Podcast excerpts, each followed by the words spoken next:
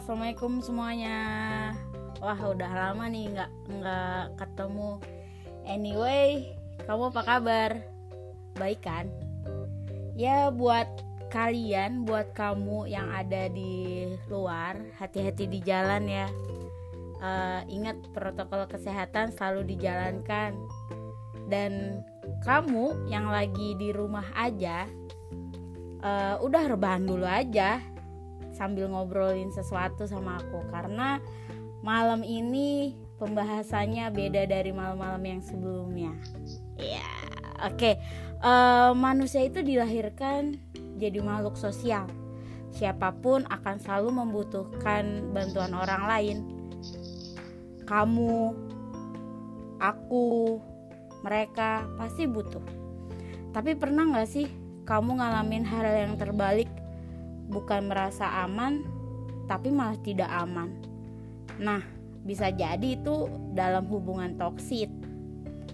Nah, biar semakin paham nih tentang toksit, uh, malam ini aku ada narasumber yang sudah ahli dalam bidangnya, namanya Mbak Via. Halo Mbak Via.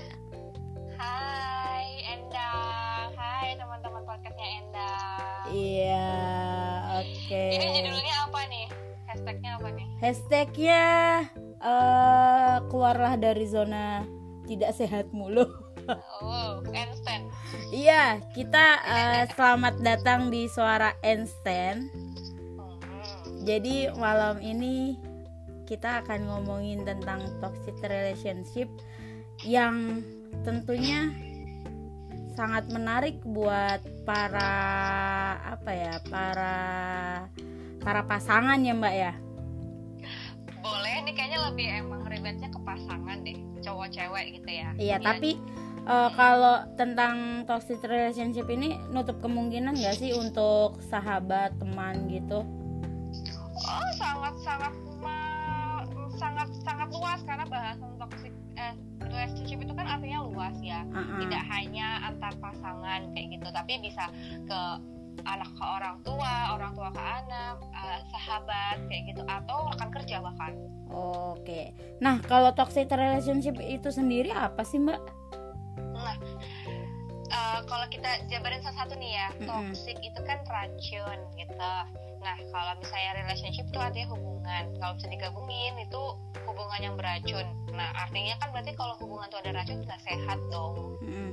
ya kan? Nah, berarti itu hubungan suatu, suatu hubungan yang nggak sehat, yang uh, banyak syaratnya dengan abusive relationship kayak gitu, dengan tindakan-tindakan yang abusive kayak gitu. Okay. Nah, uh, selama ini kan mungkin pandangannya orang tentang kata-kata abuse atau abusive itu kan syaratnya dengan fisik kayak gitu. Tapi ternyata abusive sendiri tidak hanya perlu tentang fisik. Tentang apa aja tuh mbak? Uh, uh, ada juga uh, abusive secara emosional ada juga abusive tentang digital tentang seksual bahkan financial tuh juga bisa jadi abusive loh. Wow ternyata banyak wow. sekali ya bagian-bagiannya. Yes. Oke, mungkin uh, kalau misalnya berarti kan namanya toxic tadi yang dibilang racun, otomatis hubungannya tidak sehat, ya kan Mbak? Dan uh, dari penjelasan sekilas penjelasan dari Mbak Via pasti ada ada berhubungan dengan abuse-nya. Ya, nah kalau ciri-ciri dari toxic relationship menurut Mbak Via tuh apa Mbak?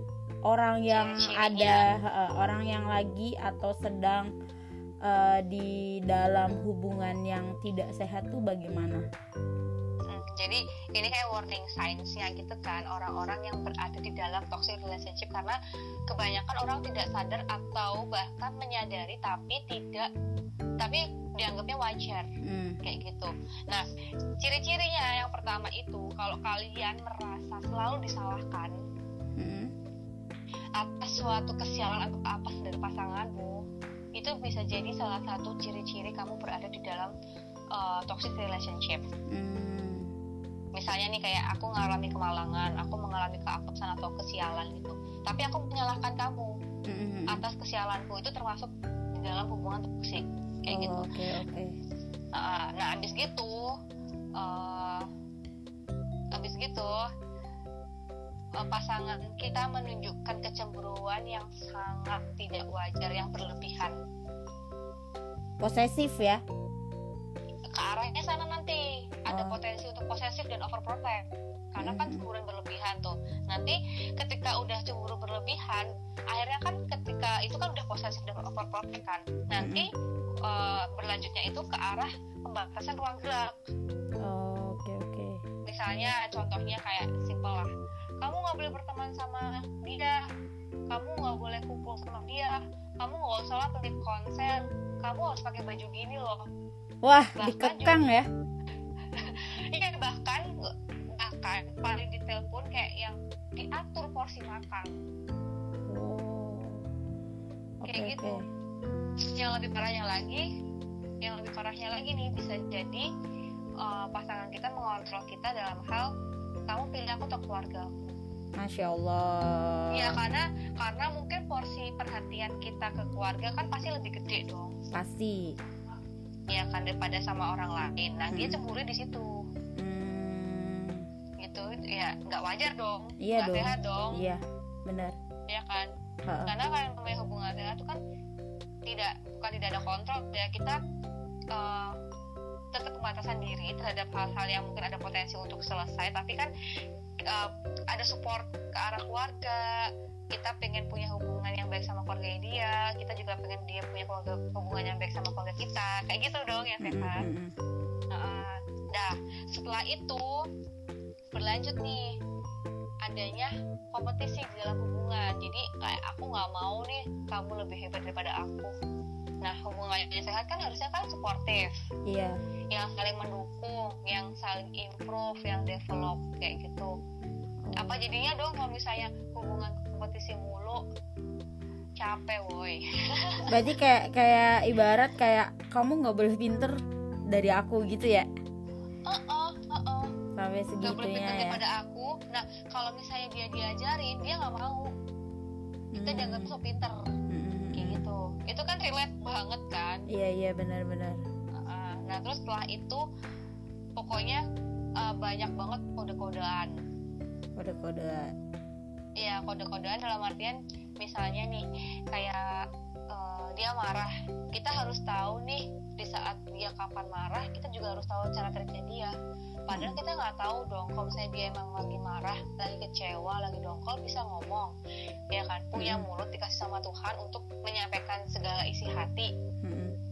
Cara kita bukan cenayang, kita bukan dukun yang bisa tahu otaknya dia, apa yang dipikirkan, hatinya dia, apa yang sedang dia rasakan, kayak gitu. Itu sih, itu sih beberapa signs yang uh, perlu kalian sadari ketika memang kalian tuh memang ada di hubungan yang toksik.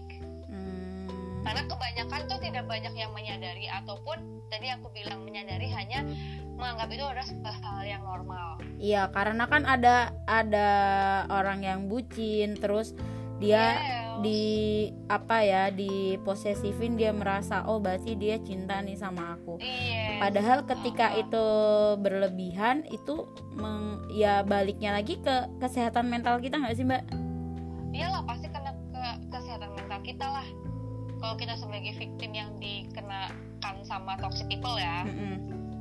ya gitu itu tuh eh, apa sih kayak eh, ketika kayak gitu Mm-mm. dianggap normal karena eh, dianggapnya seperti itu yang dibilang oh ini berarti bahasa cintanya dia nih ini Oh. bahasa kasihnya dia nih caranya dia cinta sama aku seperti ini caranya dia sayang sama aku ya dengan cara posesif padahal ya nggak sehat. Ya itu memang benar-benar berhubungan sama kesehatan mental kita. Ketika kita nantinya uh, diposesifin Mm-mm. gitu. Kita terbiasa dengan hal seperti itu gitu kan. Nah itu ketika misalnya hubungan itu selesai itu tuh akan membawa virus-virus posesif juga untuk hubungan selanjutnya. Karena toxic relationship itu tuh menular ya ampun. Menularnya dari segi apa nih mbak? Menularnya dari segi kita tidak memutus mata rantai Hah? uh, ke hubungan yang selanjutnya Hmm. karena kita karena kita pernah dapat uh, toxic relationship nih dan hubungan yang lalu gitu kan Mm. nah ketika kita mendap ketika, kita uh, berada di suatu hubungan yang baru dan Mm. kita belum selesai dengan uh, diri kita yang kena toxic itu kita kan pasti menularkan dong yang Mm. mungkin kita akhirnya balik posesifin hubungan yang baru kita bikin protek ke hubungan yang baru kayak gitu Hmm, oke oke berarti kan pokoknya kayak mata uh-uh. rantai aja lah nggak putus-putus kayak gitu kecuali kalau memang orang yang imannya kuat Mm. dia punya hubungan yang baru tapi dia uh, apa namanya bisa bisa uh, bisa menyudahi uh, kegiatan yang dulu yang posesifnya protektifnya gitu ya insya Allah akan baik-baik aja Oke. Nah, kalau faktor penyebabnya dia sulit keluar dari hubungan itu apa, Mbak? Kira-kira? Karena kan orang pasti nih ya, aku secara ala, eh, secara sadar pun aku juga nggak pengen dong berada di hubungan yang nggak sehat. Harusnya saling menghormati, harusnya saling menerima, harusnya saling sayang. Ini kok malah eh, merusak fisik, emosi, apalah. Itu kan pasti juga eh, aku pribadi menolak gitu. Nah, tapi ada juga nih orang-orang yang dia tetap ada tetap stay di hubungan itu. Faktor penyebabnya itu apa sih, Mbak? faktornya itu bisa dari pengalaman masa lalu yang Oke. kita di itu kan Ha, ha, ha. pengalaman masa lalu di hubungan yang lalu gitu ketika dia uh, mendapatkan uh, possessiveness dari hubungan yang lalu bisa jadi dia akan membawanya ke hubungan yang baru kalau dia belum selesai sama urusannya kemarin Mm-mm. Karena menganggap bahwa oh mungkin ini bahasa kasih yang baik eh bahasa kasihku ke pacarku yang baru ketika aku positif itu bahasa kasihku padahal tuh terbawa karena masa lalu tuh faktor-faktor karena eh faktor-faktor penyebab toxic relationship Hmm. itu tuh salah satunya aja sih gitu Iya, akhirnya iya. kan eh, akhirnya kan dia membuat toxic relationship yang baru lagi gitu kan dengan orang yang baru Mm-mm. bisa jadi karena orang baru ini nggak tahu apa-apa sebelumnya kayak gitu Hmm. Mm, seperti itu mbak Endang Oke, berarti itu ada penyebab dari pengalaman ya. iya tadi kan ini kan kita kan kayak itu nggak sih kayak ngejawab pertanyaan yang di gelas tadi nggak jadi gitu kan Ha, ha, pertanyaan dari benar. Ina gitu kan Iya, yang benar. uh, uh, insecure bisa nggak sih kalau misalnya jadi uh, penyebabnya bisa jadi karena kan uh, insecure itu kan berarti dia ngerasa nggak aman Mm-mm. Nggak ngerasa nggak aman tuh kan ketika kita menyampaikan ketika kita ngerasa nggak aman dengan hubungan yang baru itu kan akan jadi toxic juga dong buat hubungan yang baru gitu kan Iya, padahal benar-benar. hubungan yang baru itu tuh kan akan dijalin dengan baik kalau kita punya rasa secure kayak gitu Oh, Oke. Terus tadi ada juga nih Mbak pertanyaan eh, apa dari toxic relationship tuh ada nggak sih hubungannya sama pola asuh orang tua? Menurut kamu pribadi ada nggak? Menurut aku pribadi Iya. tetap tetap ada Eh, kenapa? tetap ada karena karena gini menurut aku pribadi ya Iya. uh, menurut aku pribadi menurut, menurut aku pribadi ada Uh, karena kita itu kan hidup di unit terkecil kan pasti dari keluarga dulu dong. Mm-mm, kan gitu nah dari keluarga itu kita kan modeling dari orang tua Iya. Mm-mm. kita modeling dalam artian kita melihat mungkin orang tua memperlihatkan uh, berantemnya atau mungkin orang tua memperlihatkan sayang sayangnya kayak gitu nah itu akan jadi toksik ketika melihat hal-hal yang buruk Hmm, di dalam keluarga Oke oke. oke. Misa- uh, misalnya nih mungkin uh, bapaknya memukul ibunya disaksikan oleh anak-anaknya Mm. nah bagi anak-anaknya bisa jadi itu hal yang wajar Jadi dia melakukan ke orang lain gitu ya? iya uh-uh. Oh. Diwajarkan oleh anak itu ketika dia melakukan ke orang lain dianggapnya wajar kayak gitu Hmm. jadi nanti ketika dia memperoleh pasangan ketika uh, caranya menyelesaikan masalah dengan cara dipukul dengan cara ditendang yaitu karena pola asuh yang dia lihat karena pola asuh yang dia terima dari kecil Oke. memang ya ini aku nggak tahu sih mungkin memang ada pengalaman juga temen yang uh, cerita ke aku kayak gitu Mm-mm. Uh, ada teman cerita ke aku tentang masalahnya dia seperti ini bapaknya seperti ini ibunya seperti ini akhirnya dia itu uh, jadi pelaku toxic people Oh. ke pasangannya ke pasangan pasangannya kayak gitu tanpa dia sadari Hmm, Gitu. terus jadi ada relate nya aja sih Ah, ah, ah. antara pola asuh sama uh, toxic relationship yang dia jalani sekarang. Oke berarti role model ya berarti ya? Yuhu, masuk ke situ. Role model. Itu masuk kayak gitu. nah Nah untuk itu tadi kan, Ah, ah, mm-mm. gimana? Nah tadi kan ada pertanyaan juga tuh, gimana sih caranya lepas dari hubungan toksik kayak gitu. iya gimana tuh mbak?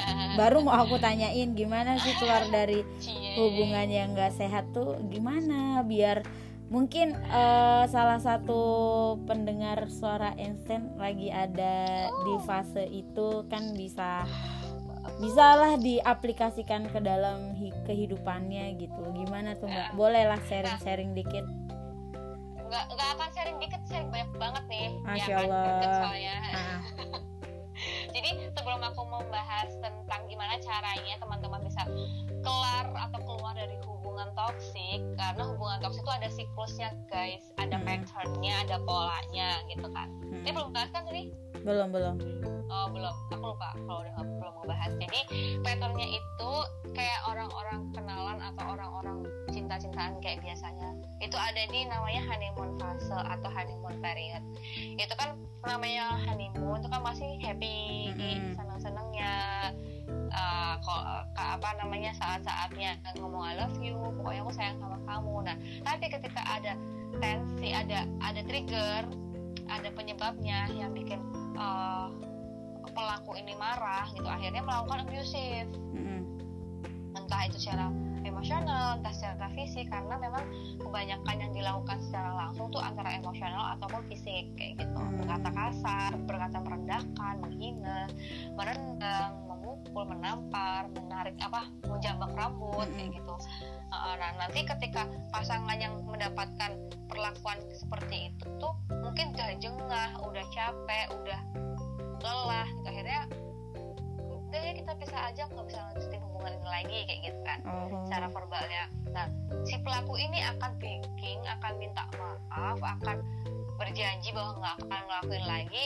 Nah tergantung nih si uh, yang dapat uh, perlakuan ini tuh akan menyudahi akan membina atau membinasakan itu jawabannya Oke, berarti jawabannya adalah kalau kamu mau keluar dari hubungan yang tidak sehat hanya ada dua, mau dibina atau dibinasakan. Dibina Nah, itu seperti apa nih mbak? kalau dibina berarti kan artinya dia memaafkan tapi memaafkan dengan mau mengulangi hubungan yang seperti itu lagi Hmm. memulai hubungan dari awal lagi padahal dia tahu memulai hubungan awal lagi itu sama artinya dia akan mengulangi siklus yang sama berkali-kali kali-kali kali Oh, Yes, kalau membinasakan, dibinasakan artinya oke dia memaafkan, tapi tidak untuk dilanjutkan lagi hubungan seperti itu. mm-mm. Mm-mm, tapi memang akan susah karena yang namanya menyudahi hubungan itu kan gak gampang ya kan. Walau apa entah itu hubungan yang toksik, entah itu hubungan yang sehat gitu. Memang tapi harus diniati banget banget, di dikuatkan imannya bahwa hubungan seperti itu emang gak sehat dan merugikan. Hanya memang kesusahan sih ya orang-orang yang keluar dari hubungan toksik itu kayak gitu. Kecuali kalau mentok banget gitu. Nah mentoknya ini ukuran masing-masing nih. Kayak apa tuh? kayak gimana? Contohnya, Kayak contoh mungkin- dari mentok. contoh dari mentok ya kalau dari Iya. teman-teman nih yang cerita gitu kebanyakan mungkin dia udah capek udah sangat merasa sakit dipukulin udah ngerasa sakit hati banget dihina-hina di direndah-rendahin ataupun udah jengah diselingkuhin iya kan? Benar-benar. akhirnya dia keluar kayak gitu. Oh, untuk sadar gitu tapi memang dibutuhkan ekstra tenaga yang effort banget biar bisa keluar dari toxic relationship Oke, artinya adalah ketika individu itu, ketika orang lain ingin keluar dari hubungan toksik ini, berarti memang butuh apa ya, kemauan yang kuat ya mbak. Nggak cuma Iya. dari mulut doang, hati pun juga ya nggak sih? iyalah karena kan ya itu jadi balik lagi kalau pelaku toksik pelaku toksik Mm, pelaku toksik ya uh, pelaku itu tuh kan manipulatif ya kan mm, playing victim gitu kan. Jadi manis bener lah mulutnya. Mm, mm, mm. Bener. di situ kita harus kuat-kuat iman di situ tuh bahwa kayak ya ditanamkan aja sih di pikiran atau di hati bahwa hubungannya kayak gini tuh kalau misalnya dilanjutkan tuh tidak akan tidak akan berjenjang ke arah lebih baik kecuali kalau dua-duanya ingin berubah kayak gitu.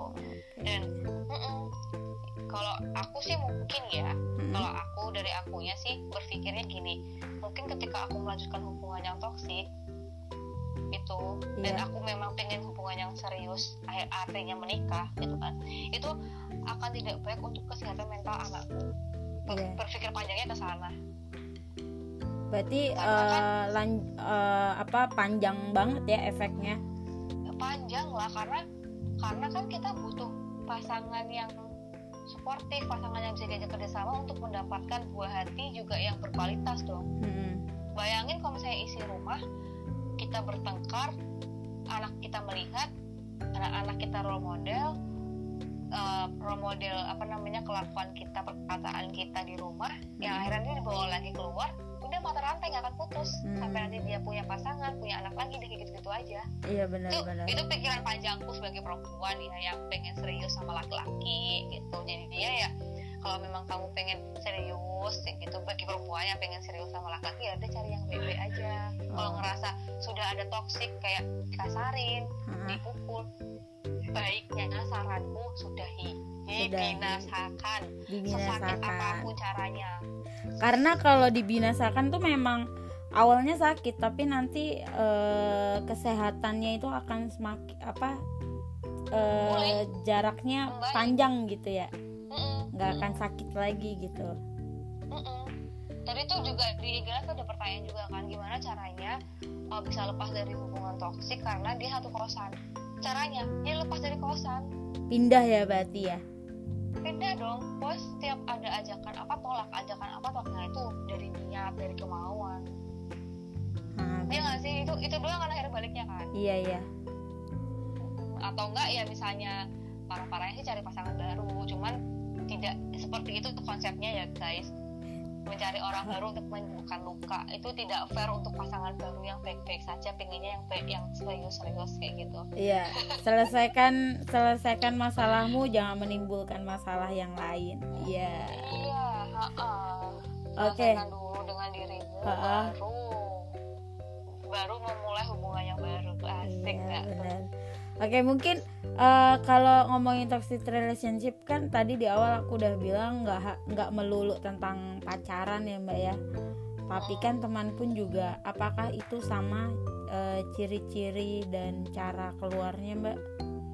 Kalau ber eh, kalau hubungan dengan pertemanan, kalau hubungan dengan pertemanan sih iya karena kan mungkin yang namanya toxic people tuh kan nggak sadar kalau dia kan toxic gitu iya. kan ha. Ya memang kita harus yang punya benteng buat diri sendiri. Bisa jadi caranya keluar dari lingkungan itu memutus hubungan dengan teman itu atau menanggapinya dengan seminimal mungkin biar tidak terganggu kesehatan mental kita gitu. Kalau misalnya mau bertahan ya berarti kita menerima dengan dia apa adanya dong yang toxic seperti itu. Sama sih hampir caranya Oke berarti kurang Hampir lebih sama ya. kurang lebih sama. Hmm, Oke, Mbak terakhir nih, eh, mungkin ada pesan at- pesan apa ya, pesan atau saran lah buat teman-teman pendengar suara Einstein. Einstein. Oke, pesan ya. Ini lebih Mm-mm. ke karena topiknya topik eh topik karena topiknya toxic relationship dan itu never ending topik gitu. Dan bisa jadi pendengar Einstein itu lagi ada di fase toxic relationship tapi tidak bisa melepaskan. Yaitu saranku agar disudahi saja karena itu efeknya akan sangat jangka panjang. Dan uh, sebisa mungkin kita yang memutuskan mata rantai itu agar tidak berlanjut ke generasi sel- selanjutnya tidak menghasilkan bibit-bibit yang toksik juga untuk keluarganya mereka yang yang baik-baik saja lagi kayak gitu Oke. intinya kayak selesaikan dengan dirimu selesaikan dengan dirimu dulu baru memulai hubungan yang baru Mantap. Jadi itu guys eh, pesan dari Mbak Viana. Sekarang yang sedang mengalami hal toksik dengan siapa pun itu sekarang saatnya untuk berani bertindak dan memikirkan kesejahteraan diri sendiri karena kita juga perlu happy. Kalau bukan sekarang kapan lagi? Ya nggak? iya coba aja dulu Oke, mungkin uh, bisa ini Mbak bisa bagi ID Instagram mungkin barangkali ada okay. yang mau curhat-curhat ke Mbak Via. Apa tuh Instagramnya Mbak Via? Oh iya, jadi podcast ini tuh rencana akan di-upload di Instagramnya Mbak Endang ya. Iya, iya, benar. Iya, nah nanti ketika nanti ada pertanyaan lanjutan bisa bisa langsung di kolom komentar atau bisa langsung juga DM ke aku atau ke DM ke Instagram Mbak Endang. Instagramku itu @octaviana susah O C T Y V I A N A A Z. Oke, okay, itu dia Instagram Octaviana. Jangan lupa follow ya karena aku private. Siap. Nah, untuk teman-teman yang memiliki kritikan, saran, bisa juga DM ke aku @endang underscore MC ditunggu karena setiap hari kita pasti ada perbaikan lagi-lagi untuk menjadi lebih baik lagi dan lagi. Oke, akhir kata terima kasih Mbak Via untuk malam minggunya. Makasih Enda, ini malam minggu sangat berfaedah karena kita bisa mengedukasi teman-teman yang sedang berada di toxic relationship. Semoga cepat sembuh ya teman-teman. Mantap, itulah pesan dari Mafia. Uh, intinya adalah yuk sayangi diri sendiri. Uh, yes. Dari kita sayang diri sendiri, maka berlanjutlah untuk menyayangi yang lainnya seperti itu. Akhir kata salam kenal semuanya. Dan Mbak Via terima kasih buat ma apa waktunya. Terima kasih sudah mendengarkan. Buat teman-teman yang di luar sana mendengarkan podcast ini jangan bosen-bosen. Aku Endang MC pamit undur diri. Sampai ketemu di episode selanjutnya. Sampai jumpa. Dah